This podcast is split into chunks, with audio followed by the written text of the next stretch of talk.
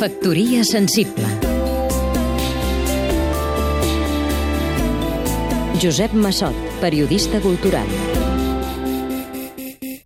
És temps de caiguda de màscares, deia fa poc la novel·lista Maria Barbal, que ha novel·lat la impostura d'una falsa víctima d'un camp de concentració.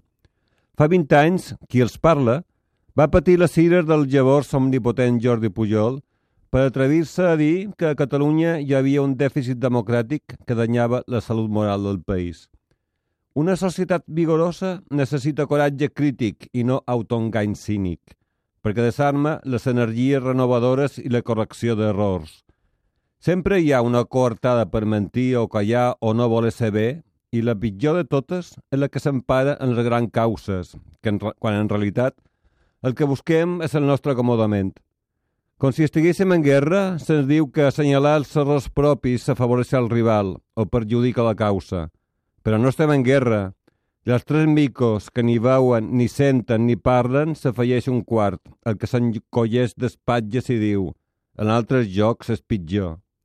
Ara ha caigut també la màscara de Josep Pla, a qui Josep Guixà revela com un falangista oportunista de primera hora.